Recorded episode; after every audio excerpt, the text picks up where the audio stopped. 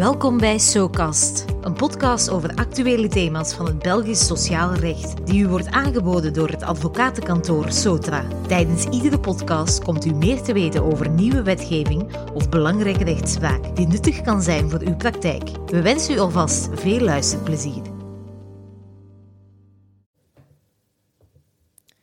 Hallo, mijn naam is Marianne de Waarzegger, vernoot bij het advocatenkantoor Sotra.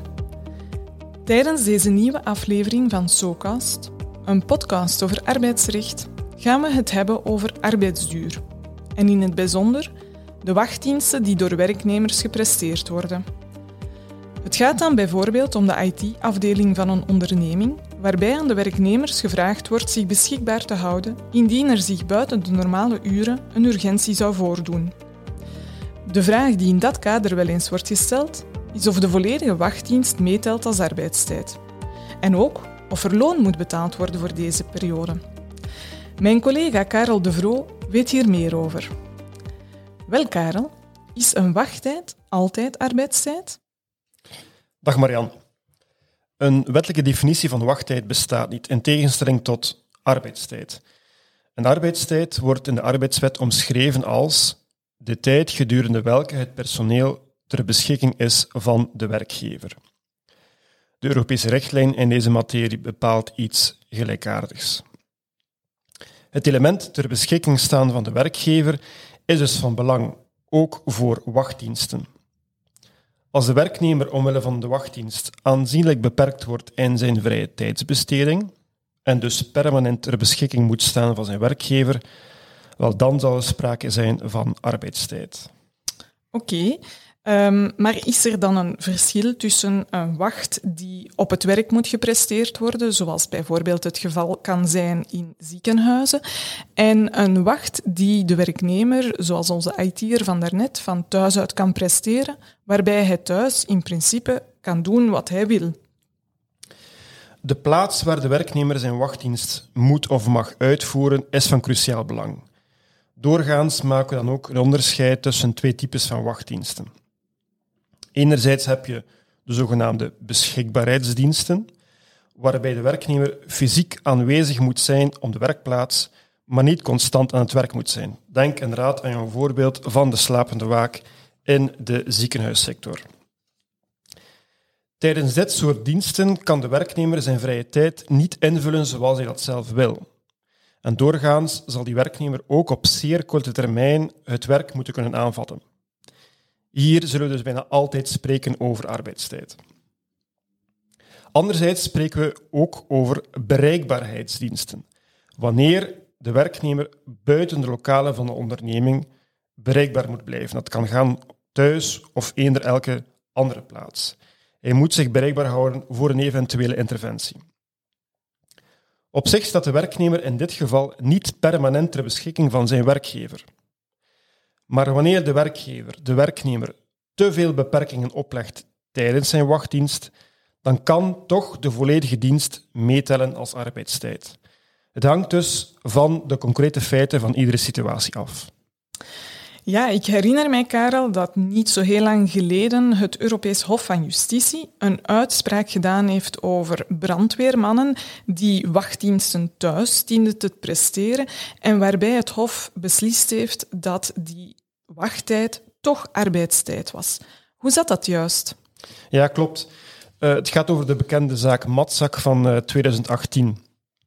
Uh, er was dus sprake van een Belgische brandweerman, Rudy Matzak, en die moest tijdens zijn wachtdienst binnen de acht minuten op de brandweerkazerne aankomen indien er een oproep binnenkwam.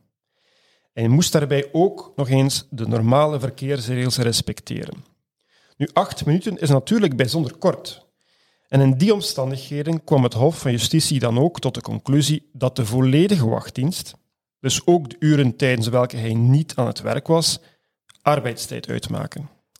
Mag ik daar dan uit besluiten, Karel, dat indien die verplichtingen voor de brandweerman minder streng geweest waren, er misschien geen sprake was van arbeidstijd? Ja, inderdaad. Op, op 9 maart van dit jaar was het Hof veel genuanceerder in een zaak van een Duitse brandweerman. Maar er waren dan ook een aantal belangrijke verschillen met de zaak Matzak. Eerst en vooral had die brandweerman, de Duitse brandweerman, 20 minuten de tijd om aan de rand van het stadscentrum te geraken. Nu, dat is natuurlijk een stuk ruimer dan de verplichting om binnen de acht minuten op één welbepaalde plaats te moeten zijn. En ten tweede had die brandweerman, de Duitse brandweerman, speciale voorrangs- en doorgangsrechten, waardoor hij zich in principe sneller door het verkeer kon begeven dan in vergelijking met normale voertuigen. Het Hof voegde hier ook nog aan toe dat niet alleen de reactietijd, die 20 of 8 minuten, maar ook het aantal interventies en de gemiddelde duur van de interventies van belang zijn.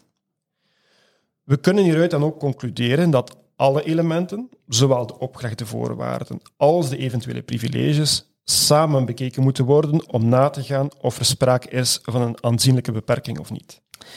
Ja, maar hoe zit dat dan bijvoorbeeld met de woonplaats van de werknemer?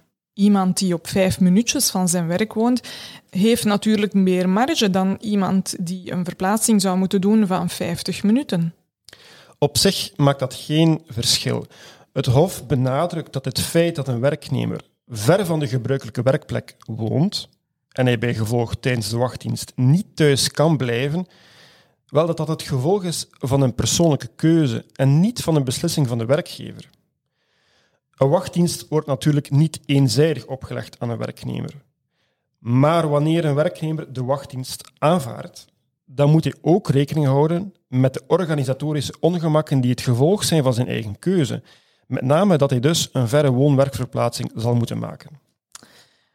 Oké, Karel, onze tijd zit er bijna op, maar ik heb toch nog één uh, punt dat ik met jou wil bespreken. Namelijk, kan je ook nog even toelichten hoe die wachtdiensten dan uiteindelijk moeten vergoed worden? Wel, eerst en vooral spreekt het voor zich dat effectieve arbeidsprestaties tijdens de wachtdienst normaal verloond moeten worden, ongeacht of de volledige wachtdienst arbeidstijd uitmaakt. Als deze uren boven het normale uurrooster gepresteerd worden, dan zal er in principe ook overloon verschuldigd zijn. Nu, voor de uren waarop niet gewerkt wordt, de inactieve uren, bestaat er wel een onderscheid tussen de situatie waarin de volledige wachttijd arbeidstijd uitmaakt, enerzijds, en de situatie waarin dit niet het geval is. Ten eerste, als de volledige wachtdienst arbeidstijd uitmaakt, dan moeten de inactieve uren op zich niet op dezelfde manier verloond worden als de actieve uren. Dit werd onlangs trouwens nog bevestigd door het Hof van Justitie in een arrest van 15 juli 2021. Maar het sectorale minimumloon moet wel steeds gerespecteerd worden. Voorziet de sector dus geen verschil voor actieve en inactieve uren en wordt de werknemer volgens het barema betaald, dan zullen alle uren op dezelfde wijze verloond moeten worden. Ten tweede, als de wachtdienst daarentegen geen arbeidstijd uitmaakt, dan moet de wachtdienst in principe zelfs niet, zelf, zelfs niet verloond worden. Zonder arbeidstijd bestaat er immers geen recht op loon. Maar het is uiteraard wel gebruikelijk om een bepaalde vergoeding toe te kennen, bijvoorbeeld een forfaitaire wachtvergoeding. Oké, Karel, bedankt voor deze duidelijke toelichtingen. Dank aan iedereen om te luisteren en graag tot snel voor een nieuwe aflevering van SoCast. SoCast wordt u aangeboden door Sotra, een advocatenkantoor gespecialiseerd in sociaal recht voor de private en publieke sector. Surf naar www.sotra.be voor meer informatie over onze diensten.